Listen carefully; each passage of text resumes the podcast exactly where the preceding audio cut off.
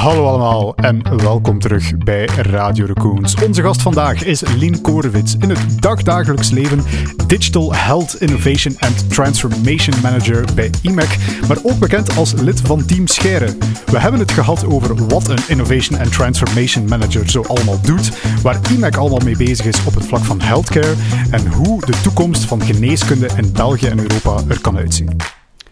Hallo allemaal, welkom terug bij Radio Raccoons. Een nieuwe aflevering, een nieuwe gast. Deze keer Lien Korevits, psycholoog, lid van Team Scheire en ik ga eventjes spieken, Digital Transformation and Innovation Manager bij IMEC. Maar bovenal, heel blij dat ik hier mag zijn vandaag. Ah, kijk, yes, de allereerste gast die blij is om hier te zijn. Dat, dat, dat doet deugd. We wachten er al zo lang op. welkom uh, in onze podcast vandaag. Ik heb daar straks al eventjes moeten spieken. Uh, digital... Digital Health Transformation and Innovation Manager bij IMEC. Dat is een hele boterham. Kan je eens uitleggen, hoe ziet jouw job eruit? Wat doe jij in het dagdagelijkse leven? Um, zoals dat de job heel veel ladingen dekt, um, ja, dekt mijn job ook heel veel ladingen. Um, enerzijds zijn we dus bezig met digitale innovaties in uh, het gezondheidsdomein. Mm -hmm. maar digitale innovaties brengen ook eigenlijk heel veel transformaties vaak met zich mee. Transformaties in de markt, binnenin bedrijven, noem maar op. en daar moeten we eigenlijk ook voor zorgen in de job zelf. en dan ook ja, het aspect van innovatiemanager, dat, dat dekt eigenlijk ook heel veel ladingen. Als innovatiemanager moet je in staat zijn om met verschillende stakeholders samen te werken te gaan kijken van oké, wat zijn de noden? Hoe kunnen we eigenlijk het best gaan inspelen op uw dagelijkse gewoontes? Hoe kunnen we dat zo goed mogelijk gaan integreren in uw normaal leven? Um, en anderzijds, hoe kunnen we dat zo goed mogelijk ook gaan ontwikkelen en ook die vertaalslag gaan maken naar ontwikkelaars om daarmee aan de slag te gaan? Oké. Nu, je hebt natuurlijk Innovation Manager, die, die jobtitel zien we wel meer, maar je hebt ook Innovation Manager bij IMEC. Uh, dat is nog een trapje hoger, kan ik mij zo voorstellen. Waar, wat, waar is IMEC mee bezig als het gaat over digital health innovation? Wat moeten we ons daarbij voorstellen? Ja, uh, IMEC is met heel veel zaken bezig als het gaat over digital health. Um, binnen IMEC um, zijn ze onder andere bezig met um, ja, uh, innovaties op het vlak van chipontwikkeling, ook AI-algoritmes die on chip uh, gedraaid worden. maar binnen ons departement specifiek zijn wij aan het focussen op public health. dus eigenlijk de gezondheid voor de populatie, om het zo te zeggen. Okay. en daar zijn we aan, de, aan het kijken als je kijkt naar gezondheid, dat dekt eigenlijk heel veel ladingen. Um, en gezondheid is, um, je kunt niet gezond of ongezond zijn. Er zitten daar verschillende gradaties in. En dat is niet ook, het, is, het is ook niet altijd gewoon fysieke gezondheid. Het is een combinatie van het sociale, het mentale en het fysieke. Mm -hmm. um, en als je daar dan naar kijkt, um, dus gezondheid in het algemeen, sociaal, fysiek en mentaal, um, ja, dan merk je ook al meteen dat dat niet gewoon iets biologisch of iets niet biologisch of genetisch is. Maar dat er heel veel factoren daar ook een impact op hebben. Je eigen gedrag dat je gaat gaan stellen, kies je om te roken of ongezonde voeding te eten, heb je de malchance om bijvoorbeeld ergens te gaan, um, ergens te wonen waar dat er heel veel politie is. Um, ja. Dat zou dat ook kunnen, dat dat ergens op je luchtwegen begint te werken. Uh, woon je dicht bij een sportcomplex of niet, in de natuur, uh, noem maar op. En dat zijn eigenlijk allemaal verschillende zaken die ervoor kunnen zorgen dat je een gezond traject doorloopt in je leven of niet. Um, maar het zorgt er ook voor dat je zelf keuzes kunt gaan maken om al dan niet gezond te zijn. Mm -hmm dat je de juiste inzichten daartoe hebt. Ja. En wat wij proberen te doen met ons departement is eigenlijk al die databronnen, want het gaat uiteindelijk om data, proberen samen te brengen aan de hand van technologie, daar inzichten uit te gaan verwerven, om dan enerzijds te gaan kijken van oké, okay, wat zorgt er nu voor dat iemand een gezond traject doorloopt of niet? En hoe kunnen we ze ook een stuk gaan duwen in de richting van dat gezond traject? Okay. Met als bedoeling dat we dan natuurlijk, als we die inzichten hebben, die kunnen gaan terugspelen naar de markt, of ook naar beleid toe gaan terugkoppelen om daar dan extra campagnes op, uh, ja, naar op te gaan ja. zetten, om dan um, ja, ervoor te zorgen dat de burger gezonder is. Um, dus heel veel uitdagingen, want het gaat ook om het, om het samenbrengen van al die data. Al die data zit overal. Um, dat is een van de grootste uitdagingen geweest uh, de afgelopen jaren. Um, dat is een uitdaging die nog altijd getackeld wordt. Ja. Met heel veel vragen rond um, ja, wie is nu eigenlijk de eigenaar van die data. Heb je initiatieven die aan het oppoppen zijn. Uh, Solid is zo eentje. Um, de ja. persoonlijke kluis, waar dat je dan zelf als burger al je data kunt gaan verharen. We hebben natuurlijk ook heel veel data ja, van, van ziekenhuizen, van, van ja, bijvoorbeeld data die gegenereerd is uit een algoritme, waar dat de vraagstelling kan gesteld worden van ja, is dat nu data van een burger? Of is dat nu bijvoorbeeld data van een, is een eigenaar, degene die het algoritme ontwikkeld heeft? Ja. Ehm, dus daar zijn er dan ook wel andere initiatieven voor aan het oppoppen, meer de federated analytics, om het zo te zeggen, dat er op een ja, privacy-gevoelige manier toch aan data-uitwisseling kan gebeuren, um, via health data spaces dan. Dus verschillende actoren gaan samenbrengen om op een gefedereerde manier data te gaan uitwisselen. Dus heel veel initiatieven die aan het oppoppen zijn om tot inzichten te komen voor die persoonlijke gezondheidspaden. Um, dus digital health, ja, dat is heel veel. Hè. Dat, kan, dat kan gaan van een app op je smartphone tot AI-algoritmes die gedraaid worden, tot um, een wearable die gedragen wordt. Um, noem maar op. Oké, dus dat, eh, de, mijn, mijn beeld op waar is IMAC mee bezig in de context van health is alvast een uh, stuk verruimd. Ik dacht zo'n beetje van, ja, IMAC chip design, die, die, die zullen waarschijnlijk wel leuke gadgets maken die, die uh, een of andere gezondheidsaandoening kunnen opsporen. Waarschijnlijk, zeker en vast wel op een chip bijvoorbeeld. maar ik hoor daarin ook ja, een, een groot deel onderzoek naar ja, data en waar zit die data allemaal dat maakt voor mij al meteen een beetje duidelijk van, ja, wat doet een psycholoog eigenlijk bij IMAC? Sorry dat ik mijzelf die vraag stel, maar als ik denk aan IMAC, uh, dan denk ik aan de hypertechneuten, de, de ingenieurs die eigenlijk meer wetenschappers zijn en de wetenschappers die halve wiskundigen geworden zijn. Hoe, hoe is dat eigenlijk om daarmee samen te werken? Want ik vermoed dat jullie ja, elkaar nodig hebben, min of meer. De, de psycholoog uh, doet natuurlijk meer de menselijke kant van de zaken. Um, de psycholoog gaat gaan kijken van, um, zoals ik daar juist al zei, ook een groot stuk van, ja, maar wat zijn die noden nu van een burger? Je kunt jij, of, of hoe staat die ten opzichte van uh, het capteren van bepaalde data? Of zelf, um, wilt hij überhaupt inzichten gaan krijgen in de eigen gezondheid? En, ja. en weten wat hij daarmee moet gaan aanvangen? En dat zijn allemaal vraagstukken die ook moeten opgelost worden om dat te kunnen gaan realiseren. Ook als je kijkt naar user experience in het algemeen, um, dan kun je daar ook heel veel uh, ja, psychologische uh, technieken op gaan, gaan, gaan toepassen. Um, er zijn studies al gebeurd rond ja, welke kleuren moet je gaan gebruiken die ervoor zorgen dat iemand bijvoorbeeld ja, rustiger wordt, tot um, als je denkt aan, aan het ganse marketingverhaal, geuren en, en noem maar op. Al, ja, er zijn heel veel zaken, ook de manier waarop dat je hersenen werken, um, hoe dat je dingen interpreteert, hoe dat je omgaat met bepaalde zaken, dat kan daar allemaal bij helpen om tot een, een juiste oplossing te komen.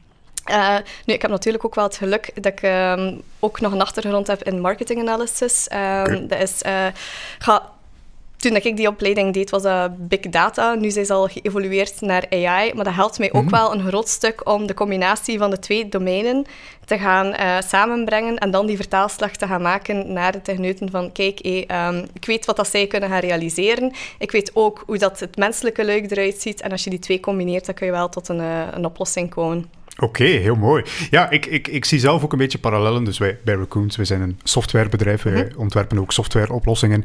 En als ik zelf een beetje kijk naar onze evolutie de afgelopen... Hoeveel jaar is het nu al? Uh, vier jaar, hè? Ja, bijna vijf. Bijna vijf jaar.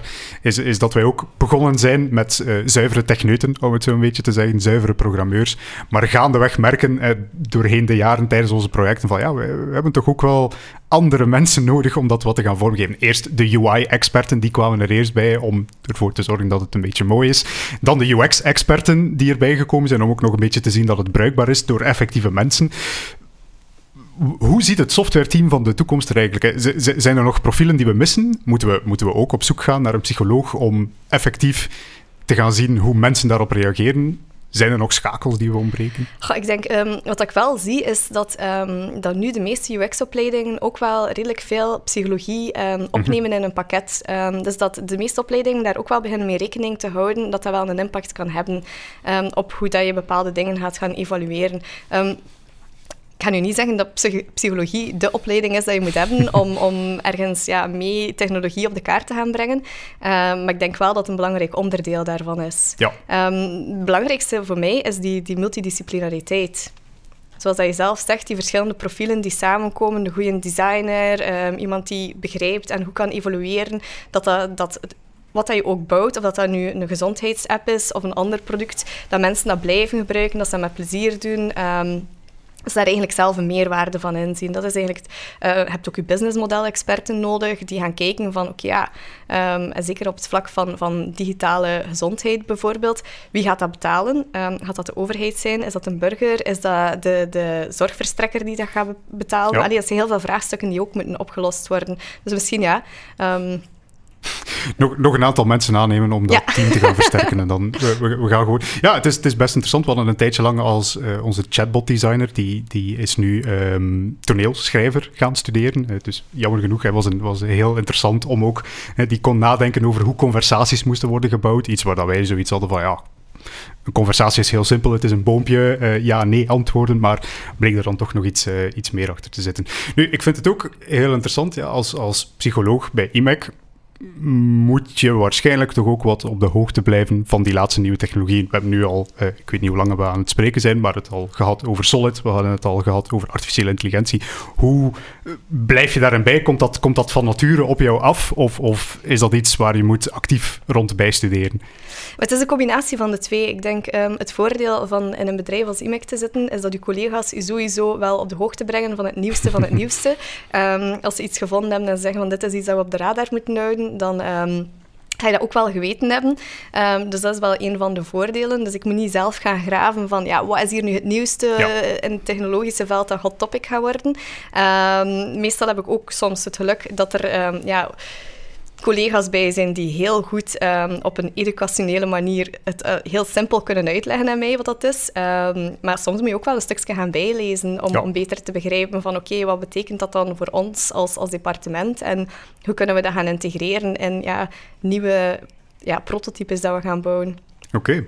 Nu, Lien, voor de mensen die misschien aan het luisteren slash kijken zijn en zich afvragen van tja, ik, ik ben die precies al eens ergens tegengekomen, ik ken die naam van ergens, los van uh, eventuele contacten met IMEC misschien, kennen jou misschien ook van Team Scheire. Super, uh, fantastisch leuk programma. Uh, kan, kan, je eens toelichten van hoe, hoe, hoe ben je daarin betrokken geraakt en, en wat, jou, wat jouw rol daarin was tussen, tussen al die makers? Hè? Ja. Um, ik ben er zelf betrokken geraakt door uh, Maarten Wijn, die ook uh, een, mm-hmm. een, maker is. Um, en ze waren nog op zoek naar uh, mensen met een, een, ja, een beetje variatie aan profielen, zodat niet allemaal dezelfde insteek was. Um, en die had gezegd van, ah, hey, pols een keer bij Lien, of dat ze dan niet ziet zitten. dus zo ben ik daar dan terechtgekomen. een beetje ja, de vreemde eend in de bijt. Het eerste seizoen, het tweede seizoen al minder, omdat Christel er dan ook bij gekomen is. En ja, wij hadden natuurlijk een, een, iets wat andere insteek, omdat wij meer vanuit een innovatiemanager-insteek uh, het probleem benaderden vanaf uh, van, uh, ja, van, van de eindgebruiker zelf vooral, terwijl dat de anderen meer vanuit een, een technologie-insteek dat benaderden. Um, maar bon, allee, het, is, het, is, alle twee een manier om het te benaderen en we zijn allemaal met um, oplossingen gekomen. Dus, um... Ja, absoluut. Ik, ik herinner me een fragment waarin je zei tegen uh, Liefscher, de, de minst makerige onder de makers ja. of zoiets. Uh. Ja. Maar, maar dan wel een project bijvoorbeeld, uh, hoe zorg ik voor een stressvrije operatiekamer, ja. als ik het goed onthouden heb. Ja, zoiets schreeuwt, schreeuwt, volgens mij wel om een aanpak waarbij je dus niet vanuit een technologiehoek zomaar naar die zaken gaat gaan kijken. Zeker als het gaat over kinderen, kan ik me voorstellen. Ja, klopt inderdaad. Um, we allee, in het ik weet nog de eerste brainstorm die we gehad hadden, en um, zaten we rond de tafel en kwamen er heel veel ideeën naar boven rond, we gaan een spelletje bouwen en we gaan, um, we gaan bijvoorbeeld met AR gaan werken en er waren heel veel technologische ideeën. Um, en na die brainstorm was ik aan het praten met een collega. Ik weet het nog goed. En we zeiden van, ja, goh, we moeten toch eerst een keer dat pad doorlopen, dat een kind doorloopt. En we ja. moeten toch een keer zien wat dat die zien. En we moeten toch ook een keer weten waar dat die artsen staan. En wat dat ze wel en niet willen bedienen. En wat dat er past in een proces. En, en wat dat, ja... De, de barrières zijn eventueel om iets te gaan integreren. En wat dat echt die meerwaarde kan brengen. Um, en daar... Allee, dat vond ik ook het heel, hele leuke aan die case, dat ik echt wel mijn gebruikersonderzoek heb kunnen doen tot op het bot. Uh, met die kindjes zelf. Um, ik ben daar een dag geweest om alle kindjes die geopereerd werden die een dag, um, eigenlijk een soort van ja, moodboard te laten maken, okay, waarbij dat ze ja. zelf ook effectief um, de operatieruimte konden vorm gaan geven voor, voor, de volgende kindjes die er kwamen, om ze minder bang te maken. En dan ah, ja. kreeg je al een rode draad van oké, okay, dit is wat een kind wilt. Hetzelfde gedaan met die ouders en zo ben je eigenlijk stap voor stap dat op te bouwen. En dan merk je van, ja, die eerste ideeën dat we hadden, dat, dat was er compleet naast. Um, dus ja. Oké, okay, heel cool. Ja, ik, ik, ik kan me wel voorstellen dat het werk dat je daar gedaan hebt veel parallellen heeft met jouw werk bij IMEC. Kan je eens verduidelijken voor mij van hoe, hoe begint voor jou zo'n project, zeg maar? Ja. Hè? Hoe, hoe, wie vraagt aan jou van, hey, Lin, ga eens naar een ziekenhuis of zo en, en doe daar onderzoek naar X, Y of Z, zeg maar. Met de projecten um, ja, passen eigenlijk uh, meestal, allee, eigenlijk altijd, um, binnen het kader, ik zei, um, de gezondheidspaden, eh, mm -hmm. inzichten in gezondheid, en, ja, optimaal, in een optimaal gezondheidspad, om het zo te zeggen. Ehm, en, en dan afhankelijk, ja, thematisch, start zo'n project meestal met uw verschillende projectpartners, wat dat heel vaak ja, experten zijn in een bepaald domein. Uh, mensen die effectief ook met de vraag afkomen van kijk, we zijn op zoek naar een oplossing. Um, en een van de eerste stappen meestal is gaan kijken met die experten in het domein um, van ja, wat bestaat er al en waarom zijn die noden daar? Ja, een soort van mapping gaan maken van oké, voor wie zijn we dat hier aan het maken? Um, zijn specifieke noden? Welke waarden kunnen we gaan brengen? Um, welke oplossingen bestaan er al en waarom werken die niet? en ja, als je dan nog niet genoeg informatie hebt, ook een keer ja, het betere Google-werk, om het zo te zeggen. ja, desk research gaan doen om te zien van zijn we hier iets aan het missen of hebben we alles gecapteerd dat we hebben? En vanaf dan kan je werk eigenlijk starten. Nee? Dan kun je je, uh, ja, um, in, in denk elke ja, agile manier van werken, uh, lean manier van werken, ga je naar buiten, ga je gaan afchecken met je eindgebruikers van wat zijn mijn key assumptions hier? En klopt dat? Um, en dat is eigenlijk een beetje dezelfde manier waarop dat wij dat aanpakken, gaan kijken van waar zijn eigenlijk de grootste vraagtekens nog, met wie moet, moeten we dat gaan afchecken? En, en op die manier gaan we eigenlijk iteratief uh, verder in het proces. Um, met ja, van, van een laag um, fidelity prototype naar een hoger fidelity prototype. En echt stap voor stap telkens met uw eindgebruikers en uw stakeholders gaan afstemmen, zijn we hier wel op het juiste pad. Oké. Nu, dat is in samenwerking met andere bedrijven, vermoed ik. Maar ik heb u ook al horen zeggen van het gaat ook over beleid. Dus ja, dat is dan ook een, een, opdracht van de regering. De regering, eh, de minister van Volksgezondheid misschien, heeft een bepaalde vraag over uh, hoe verloopt het in de ziekenhuis. Dat komt dan ook bij jullie terecht, bijvoorbeeld. Ja, dat kan, dat kan ook bijvoorbeeld. Wij zijn ook um, op dit moment um, zijn wij ook um, betrokken bij onder andere Vitalink. Vitalink mm -hmm. zorgt voor gegevensdeling onderling tussen zorgverstrekkers. dat is een soort van ja, kluis, ja, ja, een soort van ja, manier om gegevens tussen bijvoorbeeld een dokter, een apotheker en een thuisverpleegkundige uit te gaan wisselen. Um, daar zijn wij ook bijvoorbeeld um, voor het Vlaams Agentschap Zorg en Gezondheid uh, betrokken um, als, als partner om hen een stuk te gaan helpen ja. in het proces dat ze daar uh, opzetten. Oké. Nu, het topic vandaag is uh, Digital Health Innovation. Dus dan moeten we misschien ook eens heel rechtstreeks de vraag stellen van ja, als we aan jou vragen de toekomst van healthcare, als we nu het digital, zal daar ongetwijfeld een belangrijke rol in gaan spelen. Hoe, hoe zie je dat ergens naartoe gaan? Ik, we hebben nu al met een aantal mensen in de healthcare wereld gepraat. En ik, ik denk zo een van die thema's die vaak naar boven komt is personalized healthcare. Klopt. Ja?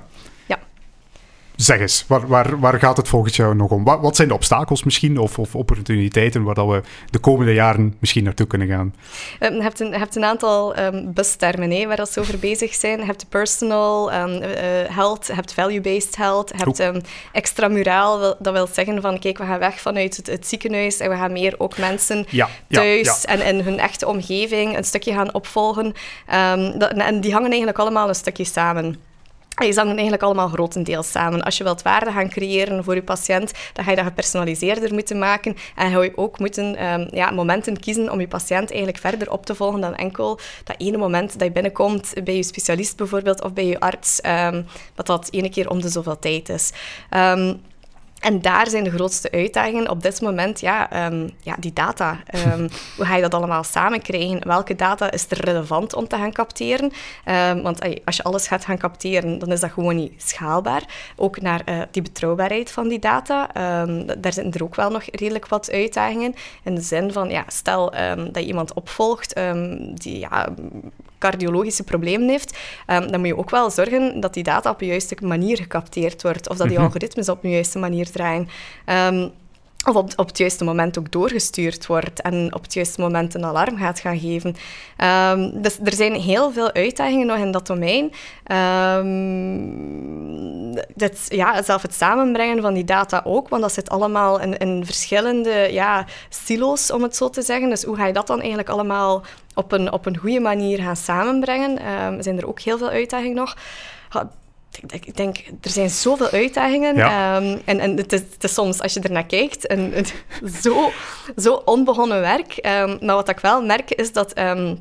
Als je kijkt naar twee jaar geleden, dan nu wel onder andere een stukje door COVID, um, dat mensen zijn beginnen beseffen van het is het moment, we hebben dit wel echt nodig, we moeten echt die barrières gaan doorbreken.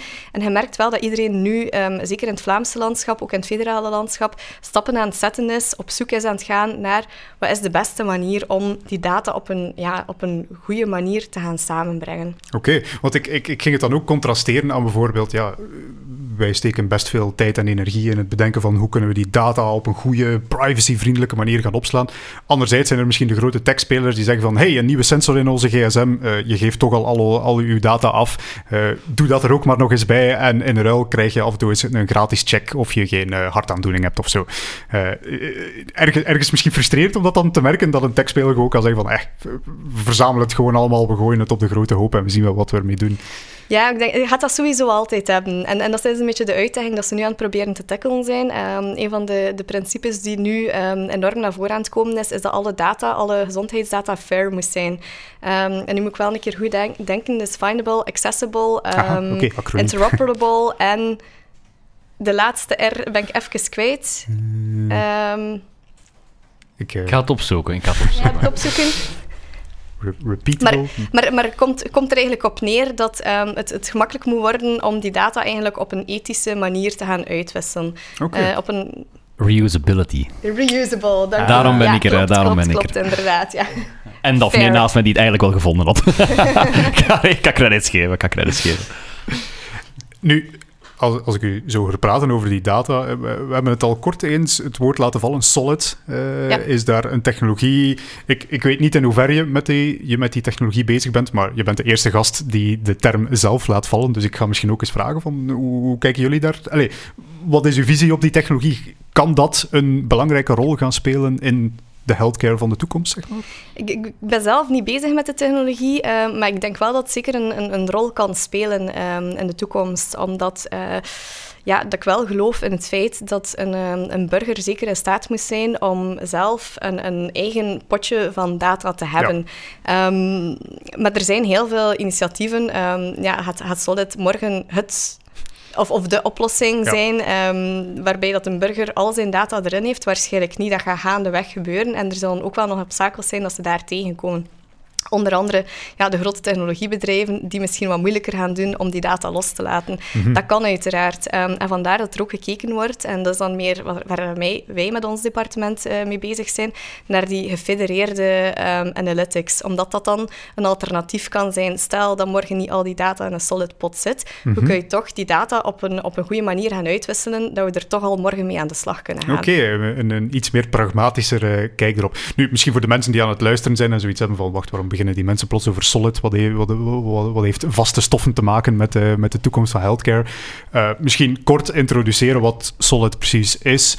Um, ontwikkeld door Tim Berners-Lee, die ook mee aan de grondwieg van het internet heeft gestaan. Een van die vele mensen. Ik weet niet uh, hoeveel claim hij effectief kan maken op het geheel, zeg maar. en die heeft dus het idee van, in plaats van dat uw data zomaar ergens bij bedrijven wordt geplaatst en dat je er geen enkele controle over hebt, moet het dus mogelijk zijn om zelf een pot, denk ik, is de term die daarvoor gebruikt wordt, een pot, uh, te hebben met uw data daarin, waarin jij dus de controle hebt over wie aan uw data en welke data precies kan, om uh, ja, daar allerlei doeleinden mee te doen. Met dan ook het bijkomende voordeel dat je eigenlijk later ook nog kunt zeggen van kijk, en nu mocht je mijn data niet meer hebben. Voilà, is dat een uh, acceptabele solid intro? Voor in die beperkte tijd perfect acceptabel. Ja, inderdaad. Ja. Uh, dus, dus een van die nieuwe technologieën waar wij ook bij Raccoons mee bezig zijn. Uh, het, het, kind heeft al een naam ondertussen ja, ook. Hè? Nou, zeker. Het is gisteren gelanceerd. Nu als deze aflevering live gaat, ja. gaat het al een tijdje live zijn. Dan heeft iedereen al op de website geweest. Maar het heet Consolidate. Dus we zullen de link okay, ook uh, in de show notes zetten. Sluik, ja. sluik reclame gooien we er. Ja, Ik heb al genoeg uh, over AI-allusies gemaakt naar, naar waar wij mee bezig zijn bij Brainjar. Dus kijk, Solid mag ook eens vermeld worden. Ja, uh, allee, lijkt mij absoluut interessant in, in zo'n context. Ik, ik denk mensen als uh, de toekomst en health en digital bij elkaar plaatsen, begint het zo al een beetje snel te spoken, denk ik. Uh, ik, ik, kan me zo de gemiddelde man op de straat voorstellen die zoiets heeft van, oef, gaan we naar, naar een soort, uh, ja, ik denk mensen gaan snel naar Terminator, eh, Terminator-achtige toekomst, maar dan met een wit verpleegsterspakje aan. En onze oude mensen zitten ergens in een kubus opgesloten en ze zien geen mensen meer, maar ze zijn wel nog steeds verzorgd. Uh, andere landen, uh, bijvoorbeeld Japan, die zien daar de absolute oplossing in voor onze vergrijzing. Hè, daar toch iets mee gaan doen. Hoe, hoe staat u daar eigenlijk tegenover? Is digital een belangrijk onderdeel van onze healthcare in de toekomst? Het is zeker een belangrijk onderdeel, zolang dat je digital ziet als een, een ondersteuning om het menselijke aspect te gaan optimaliseren. Omdat um, als je soms kijkt naar hoe dat het gezondheidssysteem vandaag in elkaar zit, um, de zodanige draaiende molen, dat alles, um, ja, het is, het, ja, het is eigenlijk een, ja, een soort van ja, stoomtrein bijna geworden, um, waarbij dat iedereen er gewoon door aan het razen is. Um, mm-hmm. en, je hebt initiatieven, um, als ik gewoon denk zelf aan bijvoorbeeld een Bingley, die in staat stelt. Bingley is een ja, is een start-up die er eigenlijk voor zorgt dat voordat je bij de dokter zelf terechtkomt, dat je al een aantal ja. vragen beantwoord hebt, waardoor dat een dokter eigenlijk compleet kan focussen op oké, voilà, je zit hier nu voor mij als patiënt en ik ga nu uw volle aandacht geven in plaats van dat ik op mijn computer nog alles moet zitten intypen. Um, en als je technologie op die manier bekijkt, dan ga je eigenlijk een value, zoals ik zei, die een value-based healthcare eigenlijk naar boven gaan duwen. Maar je moet het wel op die manier gaan benaderen. Um, ik zie de robot hier naast u staan. Um, ja, dat, dat, kan, dat kan een stukje, als je denkt aan ja, de, de Zora die, die meedanst eh, En, en, en ergens ja, de ergonomie een stuk gaat gaan optimaliseren, dan lukt dat. Maar vervangt de mens niet in de ruimte door een, een, een robot. Maakt, je houdt dat menselijke aspect, en dat is ook hetgeen dat ik zei, van, je hebt die sociale, mentale en fysieke gezondheid. Je moet die nog altijd als mens waardig voelen in uw behandeling of mhm. in uw gezondheid. Ja, ja er, zijn, er zijn mensen die, die het zo wat twee kanten zien uitgaan. Ik heb al gepraat met uh, enerzijds ziekenhuisdirecteuren die, die een heel uh, eigen mening hebben, anderzijds met huisdoktoren die een beetje in de andere richting uitgaan. Zo. Ehm, en, en ja, sommigen zeggen van, kijk, goed, eens we een goed genoeg AI-systeem hebben. Ik heb al langs deze statistiek horen vallen. 40% van de eerste diagnoses bij een huisdokter is niet de juiste ik weet niet in hoeverre ik die kan vertrouwen. Misschien even uh, fact-checken als ik hier uh, absolute onzin aan het vertellen ben. Uh, maar, maar ja, zijn op zich wel serieuze cijfers. Ik, ik heb soms de indruk dat wij um, vergevender zijn voor mensen dan voor onze machines. Uh, dat, dat we eerst verwachten dat machines perfect werken, eer we ze een kans willen geven bovenop wat wij als mensen doen, zeg maar. Ja. Of is dat een uh, dat, dat, dat, kan zeker. En, en ik denk dat we wel daar ook, um, ja, met, met een, um, dat we daar ook onszelf voor moeten begoeden. Dat we te snel de machines gaan vertrouwen. zeker als je kijkt waar dat, en ik denk dat je, dat, dat je dat ook gaat kunnen beamen vanuit u uh, werkveld. Um, AI heeft nog altijd ergens een, een, een, een menselijke goedkeuring nodig om te zien van is het hier wel de correcte interpretatie dat we gemaakt hebben of niet om zelf al je AI te gaan optimaliseren. Um, dus je gaat altijd die mens nodig hebben in dat verhaal. Misschien ga je hem op een bepaald moment kunnen loslaten, maar dan nog ga je hem nodig hebben om die interactie aan te gaan. Allee, stel, nu, stel u nu voor um, dat een algoritme ontdekt dat iemand kanker heeft. Ga je een computer dat laten vertellen aan een individu? Dat is al een, een, een, een fijne grens van, ja... Ik denk niet dat iedereen dat gaat willen. Misschien dat bepaalde mensen zoiets gaan hebben van, ja nee, hoe sneller dat ik het weet, hoe beter. Maar ik denk dat andere mensen wel die psychologische begeleiding nodig gaan hebben om daarmee om te gaan. Um, ik, kan me nu wel een toekomst voorstellen waarin dat als het goed is, dan is van, ja, geen zorgen, alles op. En dan als het slecht is, van, uh, maak toch maar even een afspraak met uw huisdokter. En dat, dat lijkt me minstens even erg, zodat je weet van, oei, nee, ik moet, met een mens gaan praten om nieuws te horen. Misschien is dat, uh, is dat toch niet zo goed. Nee, ja, heel, zeker ook de, de, in de context van artificiële intelligentie, als we zo AI en gezondheidszorg naast elkaar gaan plaatsen. Uh, ja, is, is dus inderdaad de fundamentele discussie hoe menselijk willen we alles gaan houden. Hè? Want ja, ook in de context van persoonlijke gezondheidszorg kunnen we misschien wel stellen, we gaan nooit genoeg verpleegsters en dokters hebben om iedereen constant in de gaten te houden. Dus heeft AI daar misschien sowieso een cruciale rol in te spelen. Wat ik wel denk is, um, zeker als je kijkt naar, naar um, gezondheidspaden, um, als iemand behandeld wordt, je hebt altijd je pers persoonlijke preferenties ook. En dat is iets dat ook heel vaak aan bod komt. En zeker, ik hoor dat vaak door het uh, Vlaams Patiëntenplatform zeggen, hebt u doelstellingen, uw levensdoelen dat je wilt bereiken op een bepaald moment.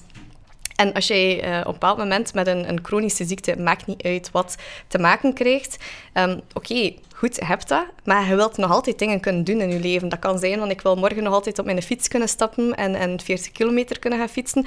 Of ik wil wel nog in staat zijn om op reis te gaan. Of ik wil um, gewoon eigenlijk nog thuis op mijn gemak met mijn familie kunnen zitten. Maar al die zaken kunnen misschien um, een invloed hebben op het type van uh, behandeling dat ze kiezen voor u. Ja, Afhankelijk van de mogelijke bijwerkingen die je hebt. Um, en, en we gaan ook wel evolueren meer naar een toekomst waar, dat, waar dat je als patiënt veel meer inzag, uh, inzeggenschap gaat hebben in uw, uw behandeling. Oké. Ja, want daar, daar is wel wat weerstand tegen, kan ik vermoeden. Hè? Want ik, ik, herinner mij nog een kleine discussie over het, het beschikbaar maken van data van patiëntendossier aan de patiënt zelf. Uh, en dat er toen toch wel wat geluiden waren van, uh, zouden we dat wel doen? Want dat gaat misschien leiden tot mensen die ja, zelf het heft in handen nemen en dat is zelden in de goede richting. ja, maar, maar het is toch wel een stuk aan het veranderen, merk ik. Als, als mhm. ik nu um, vandaag de specialisten vaak hoor praten, dan merk ik wel dat ze zeggen van ah, voor ons is het wel heel belangrijk dat um, de mate waarin kan natuurlijk ook wel... Allez, je hebt daar heel wat uitdagingen in, maar ze zeggen wel van voor ons is het belangrijk dat ook een, een patiënt mee kan een stukje zeggen wat dat voor hem of haar belangrijk is in, in het behandelingsproces. Natuurlijk, een dokter gaat vaak kijken naar, oké, wat zijn de resultaten bijvoorbeeld van de klinische studies en wat is um, je kans op overleving. Ik denk nu maar aan kanker bijvoorbeeld, van wat is je overlevingskans? Maar misschien minder naar, ah ja, oké, maar u, de periode dat je leeft, hoeveel bijwerkingen heb je en hoe kwalitatief is dat leven wel op dat moment. Misschien kiest er iemand voor dan om te zeggen van ja, maar nee, ik heb dan liever een kwalitatief korter leven dan dat dat uitgerokken wordt en dat ik eigenlijk mijn bed niet meer uit kan. Ja. Um, en dat, dat begint wel veel belangrijker te worden. Van oké, wat wil jij nog kunnen doen als patiënt in de omstandigheden dat je zit? En mhm. hoe kunnen we dat eigenlijk zo kwalitatief en zo optimaal mogelijk voor jou gaan maken? Want dat is ook gezondheid, hè? Okay, dat is ja. dat mentaal, hè? Ja, maar dan komt er weer een, een ferme pak psychologie bij kijken. Waarschijnlijk als we bedenken van ja, hoe kunnen mensen die waarschijnlijk in een enorm stressvolle situatie zijn, dan de meest juiste beslissing maken. Hè. Iemand die reflexmatig misschien zal zeggen van... Voor mij hoeft het allemaal niet meer, want uh, ze, ze, voelen zich bang. Hoe kan je dan toch eigenlijk misschien de ware... Het is lastig hè, om te zeggen van... Wat wil die persoon eigenlijk echt? Ja, dat klopt zeker. En ik denk um, samen met de verschillende evoluties die we hebben op het digitale vlak, dat we ook eigenlijk veel multidisciplinairder gaan samenwerken. Mhm. Dat het niet meer één discipline gaat zijn die bepaalde keuzes gaat gaan maken, maar zoals dat je een patiënt gaat gaan betrekken, dat je inderdaad ook andere disciplines daar gaat bij gaan betrekken om die ondersteuning te gaan garanderen. En je merkt dat nu ook al, dat ze, um, als je kijkt naar uh, de beleidsnota van, van Beke, dan staat er daar ook in, letterlijk, samenwerking in de zorg gaan versterken. Aha, ja, oké. Dus, en, en samenwerking is over verschillende disciplines heen. Hè. Ja. Dat gaat van uw thuisverpleegkundige tot uw arts, tot uw specialist, tot uw psycholoog, tot misschien uw kinesist ook die daarbij komt. Um, ja, dus, dus gaan we dan ook naar een soort toekomst waarin ik, vandaag de dag is de, de, de huisdokter nog altijd een beetje het aanspreekpunt. En als die merkt dat uw knie uh, niet goed is, dan ga je naar de kinesist, anders ga je naar daar. Gaan we uit naar de toekomst waarin dat ja, dat je niet alleen een huisdokter hebt, maar misschien ook een, een huispsycholoog en een huis... Uh, ik weet niet wat er nog allemaal aan zit te komen om, om, om ons algemeen welzijn te gaan garanderen. Ja, gaan we naar die toekomst? Ik weet het niet, maar um, ik denk wel, als je nu gewoon kijkt naar uh, de cijfers gewoon van mentaal welzijn, en zeker ja, gezien COVID, um, ik denk dat, dat gisteren nog in de krant stond, um, dat, dat de burn-out cijfers echt de pan uit aan het swingen zijn. Mm -hmm. uh, ook mentaal ja. welzijn is, is, um, ja, heeft een serieus dipje gekregen. Dus ik, ik, denk dat mensen gewoon algemeen onder enorme druk staan. En, en, de kans is wel groot dat we op een bepaald moment allemaal misschien een keer de psycholoog gaan moeten zien. En er is daar niks mis mee. Hè. Ja. Even, even een doktersbriefje voor heel België. Gaan we een keer naar de psycholoog, maar, maar, want uh, het is wel zwaar geweest afgelopen jaar. Maar al is het gewoon, en niet, niet van oké, okay, um, ik moet nu gaan thuiszitten, maar al is het om voor jezelf ook die een balans in orde te krijgen. -huh. Um, voor jezelf je te zorgen van hoe kan ik om met de druk dat we krijgen vanuit de maatschappij, de druk um, dat we krijgen vanuit de werkomstandigheden. Alles, alles moet perfect zijn op een bepaald moment, maar dat gaat niet. Niks is perfect. Ja, absoluut. Ja, daar moeten we misschien ook eens wel op, op inpikken. We hebben het nu gehad over COVID. COVID en technologie lijken toch wel heel sterk hand in hand te gaan. Wij, wij in de AI-wereld merken we zelfs in totaal ongerelateerde disciplines dat men nu zo plots heeft wakker geworden en gezegd heeft van oh, digitalisatie en automatisatie, we gaan ervoor. Hè, om de, het lijkt een soort kettingreactie teweeggebracht hebben. Zien zie, zien jullie dat ook, dat daar, dat ja, een soort toenemende vraag naar technologieën is? Ja, ja, ja sowieso. En, en ik denk, zeker in, in, het gezondheidsdomein ook, heeft COVID um, heel veel deuren nog geopend. ja. um, te, uh, telehealth was, was niet mogelijk tot het moment dat COVID er was. En opeens werd dat terugbetaald en was dat in orde. En kon je een dokter opbellen om te zeggen van, um, ja, ik zou graag een consultatie hebben, maar online, bij wijze van ja. spreken. Dus er zijn heel veel zelf, ja inzichten krijgen in um, hoe zit het met de statistieken in, uh, in, de Belgische populatie en, en wat zijn de redenen waarom dat iemand COVID krijgt. Gewoon die transparantie, dat was er vroeger ook niet. Ja. Um, een stukje dat population health verhaal waar ik het over had. Um, dus er zijn heel veel zaken dat door COVID ja, in, in een versnelling gegaan zijn kan me dan ook tegelijk voorstellen van, je, zegt nu zelf ook, ja, data verzamelen, informatie winnen over de hele populatie. Tegelijkertijd ook een beetje zeker in België heb ik toch het gevoel van die, die terughoudendheid naar privacy toe. Van welke data gaan we precies gaan verzamelen? Wat mogen mensen allemaal weten? Ook wel nog een hele discussie die daar rond moet gevoerd worden waarschijnlijk. Want ja, allez, ik, ik, ik zie het zeker vandaag. We, uh, onder andere bij Kronos hebben wij een, een volledig platform ontwikkeld, zodanig dat burgemeesters individueel konden volgen in hun stad hoeveel covid-besmettingen er waren, zodanig dat zij ook op lokaal niveau beslissingen konden gaan nemen. Dus dat is, ja, het is een, een het nuttige een beetje koppelen, allez, het nuttige afstemmen tegenover de privacygevoeligheden die eraan aan de basis liggen, lijkt mij. Ja, uh, ja. Dat gaat altijd een uitdaging blijven, denk ik. Um, en vandaar dat er nu verschillende initiatieven aan het oppoppen zijn.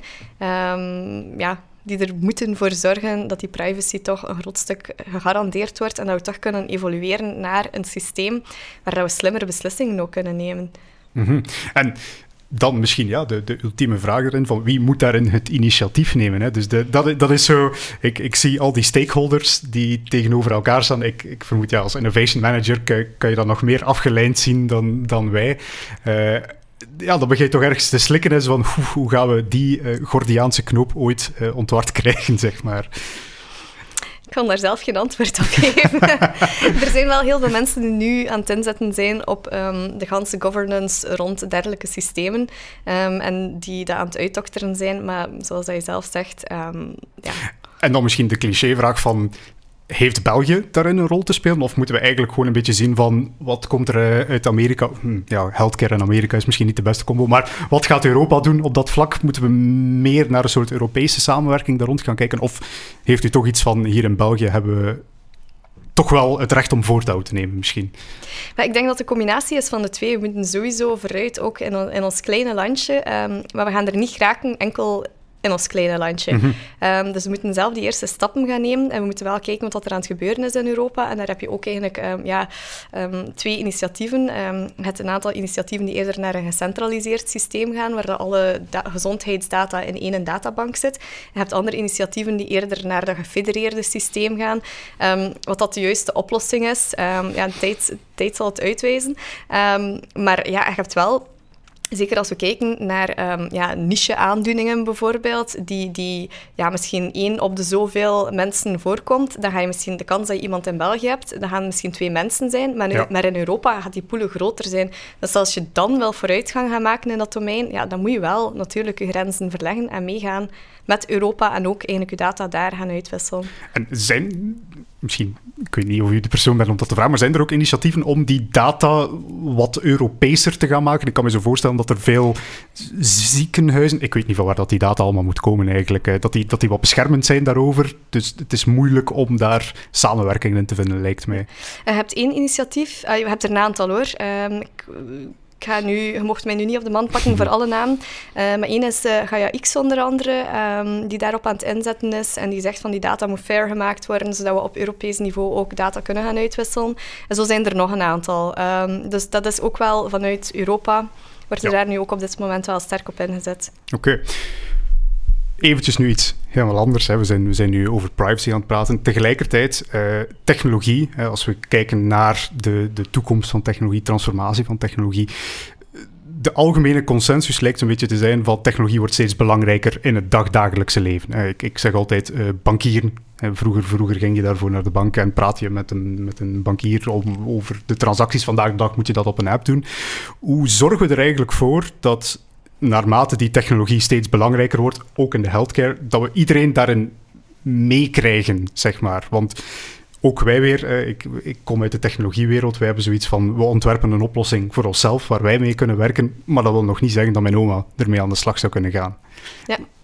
Hoe, kunnen we daar waak over houden, zeg maar? Je hebt, mensen die heel goed zijn in universal design principes. Um, en dat wil eigenlijk zeggen voor, um, dat, je, dat je start met je ontwikkeling voor de grootste leek. En als die ermee kan werken en mhm. als die daarover tevreden is, uh, dan ga je de rest van de populatie ook wel meekrijgen. En kun je daar eventueel wel nog andere features in steken ook. Um, dus ik denk dat dat al de belangrijkste eerste insteek is um, om van te starten. Eigenlijk van uw, uw minst ervaren gebruiker starten en die proberen mee te krijgen. Als iemand die uh, vroeger al zijn speeches heeft geoefend op zijn oma om te zien of dat het begrijpbaar was, kan ik dat alleen maar beamen dat dat uh, de beste manier is om een uh, begrijpbare uitleg te gaan formuleren. Maar ik denk, ja, enerzijds is er dan een soort design-element aanwezig. Hè. We moeten het ontwerpen zodanig dat iedereen daar nog steeds mee aan de slag kan. Anderzijds lijkt het mij ook wel nog een hele opgave om mensen te overtuigen van technologie. Ik, ik merk dat zeker ook bij de oudere generatie gewoon een algemene weerachtigheid van technologie en die willen er liefst niets meer mee te maken hebben. Ja, moeten we die mensen gewoon laten? Hè? Uh, of zeg je, kijk, er zijn uh, psychologische technieken te gebruiken, marktonderzoektechnieken te gebruiken om die mensen toch mee te krijgen? Nee, ik denk, je gaat altijd een groep van mensen hebben dat je niet meekrijgt in je verhaal. Um, en dat is nu eenmaal zo. Maar dat ik wel sterk in geloof, is dat je ook een stuk van die groep kunt meekrijgen um, door hen duidelijk te maken wat dat de waarde voor hen kan zijn. Als de waarde groot genoeg is, dan gaan ze misschien wel zoiets hebben van, ah, tja, misschien is dat dan toch wel de moeite om het te leren. Of ja. als, als het is eenvoudig in gebruik, het geeft een groot genoeg waarde. Um, denk ik dat je wel nog een stuk van die mensen die er absoluut niet wilden meegaan vandaag kunt overtuigen. Als ze daarom zeggen dat je ze allemaal meekrijgt, nee. Maar dat is bij alles van technologie zo, hè. Ja, maar moeten we dan de kanalen open laten, zeg maar. Hè? Dus de, voor de mensen die blijven hangen. Uh, ja, ik, ik kan me voorstellen in de toekomst dat banken gewoon zullen zeggen van, weet je wat, die kantoren veel te duur, uh, die mensen die daar werken ook veel te duur. We gaan allemaal volledig digitaal, want dat is de enige manier om de concurrentieslag te winnen. En dan blijft er een groep mensen. Nergens lijkt mij dat meer van toepassing ook dan in de healthcare-wereld. Dat, dat, dat we zouden zeggen van kijk, we willen onze healthcare efficiënter gaan maken. We willen het meer gaan personaliseren, dus we gaan meer gaan inzetten op technologie. Maar in dat proces verliezen we misschien bepaalde mensen die, die ja, niet mee kunnen met die transformatie gewoon inherent. Ja, maar ik denk sowieso, um, de, de, digitale oplossingen in het gezondheidsdomein, um, dat gaat nog even duren. Als we mhm. kijken hoe lang dat al geduurd heeft om zelf ja, e-health applicaties op een, op een ja, erkende manier in ons systeem te krijgen. Um, er zijn daar jaren over gegaan. laat staan dat, dat, morgen gaat niet alles gewoon opeens in een app zitten. Ja. We zitten ook met, met generaties die evolueren. Um, wij zijn opgegroeid met, um, met, met technologie. We zijn daar ook gewoon. We gaan daar gemakkelijker in meegaan. Een keer dat dat... Ik ben mij nu gewoon aan het inbeelden van... Ja, stel dat dat binnen hier en, en, 20 jaar zo is, ja, dan ben ik de oudere generatie. Ja, en dan is dat oké. Ik, ik, heb mijn wearable aan en ik heb mijn smartphone en ik weet hoe dat werkt. Um, dus ja, de vraag is, gaat, het effectief zover komen? Hè? Pas op, uh, mijn, mijn, vader is IT'er. Ik, ik begin zelf schrik te krijgen voor de toekomst. Mijn vader is IT'er, altijd goed mee met technologie. Maar zo, smartphones, dat is, dat is, al, dat is al niet meer helemaal zijn ding. Zo. Daar, daar, daar gaat hem toch al mij eens om hulp vragen. Pas op, een hele, hele verwezenlijking, want uh, de, de man gaat het niet snel toegeven. Dus daaraan, daaraan heb ik zoiets van wanneer komt de dag dat ik zelf niet meer ga begrijpen wat, uh, wat nieuwe technologie inhoudt. Dat, dat is misschien wel goed om altijd een tag Ja, maar ik denk, dit is zo die mindset. Ik, zie dat, ik heb dat bij mijn eigen vader ook gezien, ook ingenieur.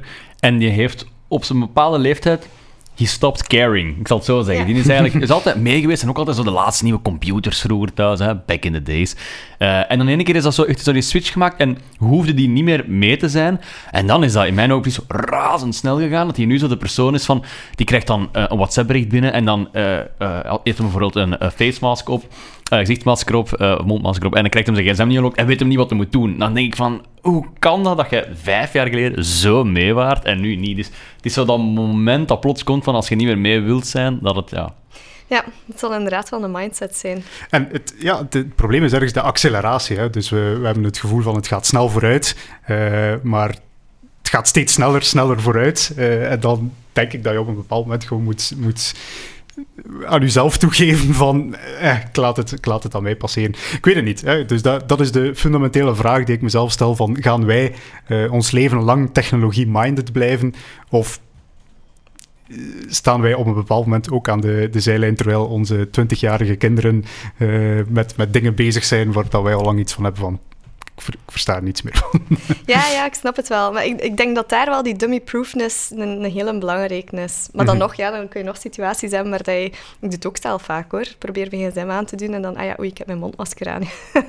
Heb, Soms vergeet je het gewoon. Ik heb zelf wel user interfaces tegengekomen met drie knoppen waar ik nog altijd de verkeerde gebruikte. Dus uh, ik kan maar al te goed snappen hoe, hoe het in bepaalde toestanden uh, de mist in kan gaan. Ik dacht dat ze de domste persoon gevonden hadden om het op te testen en dan blijkbaar ja, David dan, dan, dan uh, werkt in het Dan denk ik van mezelf zo van, goh, ik, ik, kan toch wel iets? Nee, nee, helemaal...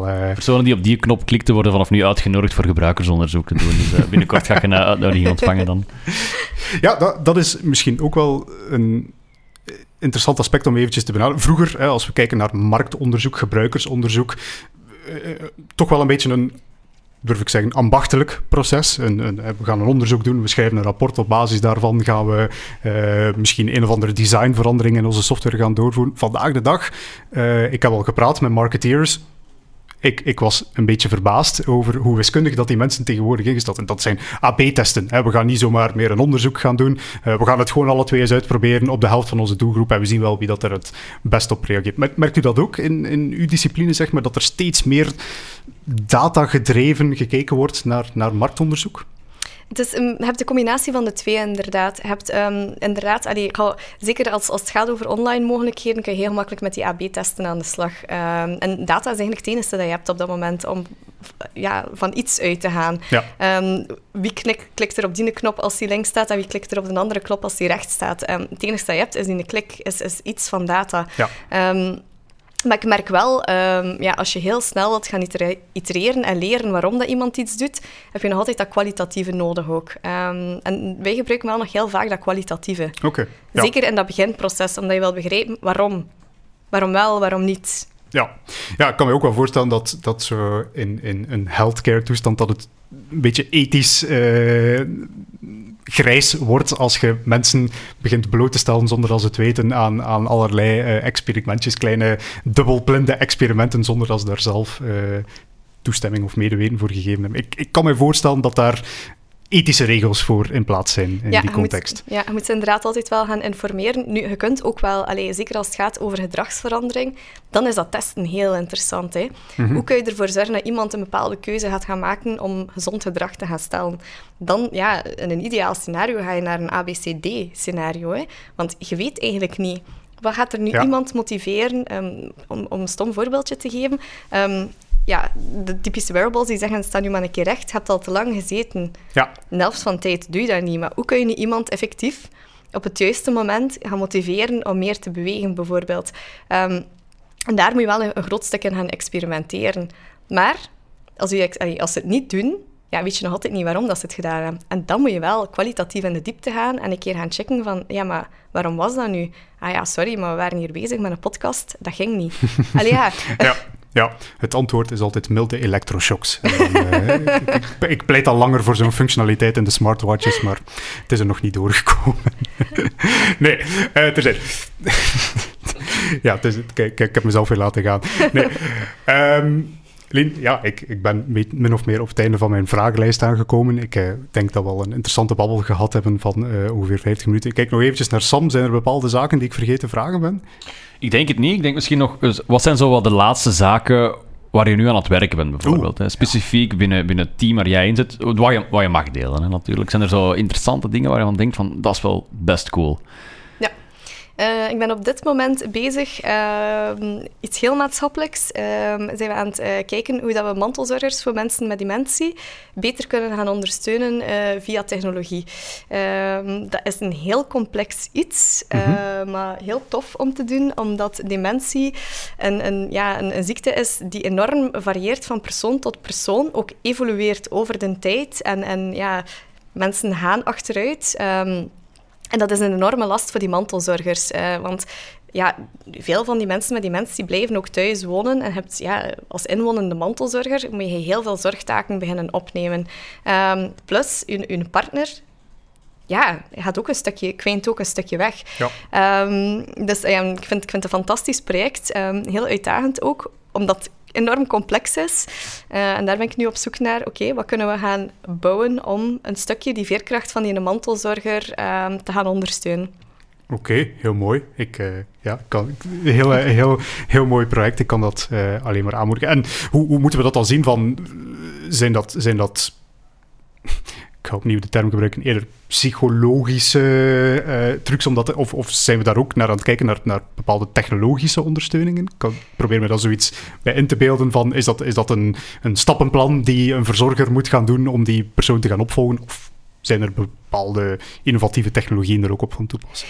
We, we zijn nu vooral um, aan het kijken van... Um, ja, we zijn verschillende scenario's aan het bekijken. Um, onder andere ja, kunnen we bijvoorbeeld meer feedback gaan geven naar de mantelzorger toe. Het moment dat de communicatie stopt tussen de mantelzorger en de persoon met dementie. Om een idee te hebben van, ja, oké, wat gaat er om in het hoofd? Alleen niet in het hoofd, maar gewoon van, wat, wat voelt die persoon met dementie op dit moment? Is die gestresseerd? Is die niet gestresseerd? Maar bijvoorbeeld ook, ja, um, slaap. Heel vaak als mantelzorger um, slaap je amper nog. Um, okay. Omdat ja, dat je zorgen maakt uh, dat er bepaalde dingen gaan fout lopen midden in de nacht. hoe kunnen we daar bijvoorbeeld ook een stuk ja, die slaap beter gaan ondersteunen uh, via verschillende mechanismen? Dat, dat, zijn allemaal ideeën die we hebben op dit moment. niets staat sta vast, want we zijn bezig met de mantelzorgers zelf om te gaan ontdekken van ja, is dit iets dat je waardevol vindt of niet. Ja. En, en, hoe vindt dat dan zijn weg naar de praktijk, zeg maar? Dus, dus jullie onderzoek is afgelopen. Waar, waar, waar gaat dat dan vervolgens naartoe? Wie gaat daarmee aan de slag dan? Wij hopen dat er daar iemand mee aan de slag gaat. Ah ja, oké. dus, dus, dus, het onderzoek wordt vrijgegeven en dan is het eigenlijk aan ja, de markt om te zeggen van, oh, dat is misschien wel een interessante oplossing, dat willen we gaan implementeren in onze uh, zorghuizen, ziekenhuizen, enzovoort. Ja, enzovoort. klopt. Okay. En in heel veel gevallen, um, en dat is hetzelfde geweest met Team Scherre ook, um, zetten we onze code ook gewoon open, zetten we hm. ons um, gebruikersonderzoek ook gewoon open, dat een ieder, een ieder er eigenlijk mee aan de slag kan. Alright, super interessant. Goed, Lin, dan kan ik je alleen nog maar bedanken voor jouw komst. Ik wijs ook altijd even naar Sam, uh, voor de afsluitende boodschap. Voilà, zoals altijd. Nee, ik denk, uh, ook nieuw is dit seizoen, ik heb het al een paar keer vermeld, maar is inderdaad Daphne die uh, alles wat jullie zegt perfect neerschrijft en ook alle referenties die jullie gebruikt hebben, die worden zelfs vermeld. Dus als je iets gehoord hebt dat interessant is en je wilt het nog eens nalezen, kan dat gewoon op de website. En dan heel erg bedankt voor het super interessante gesprek. Ik hoop dat de luisteraars dat ook vonden, ik denk van wel. En als je meer zo'n content wilt horen, dan moet je zeker abonneren.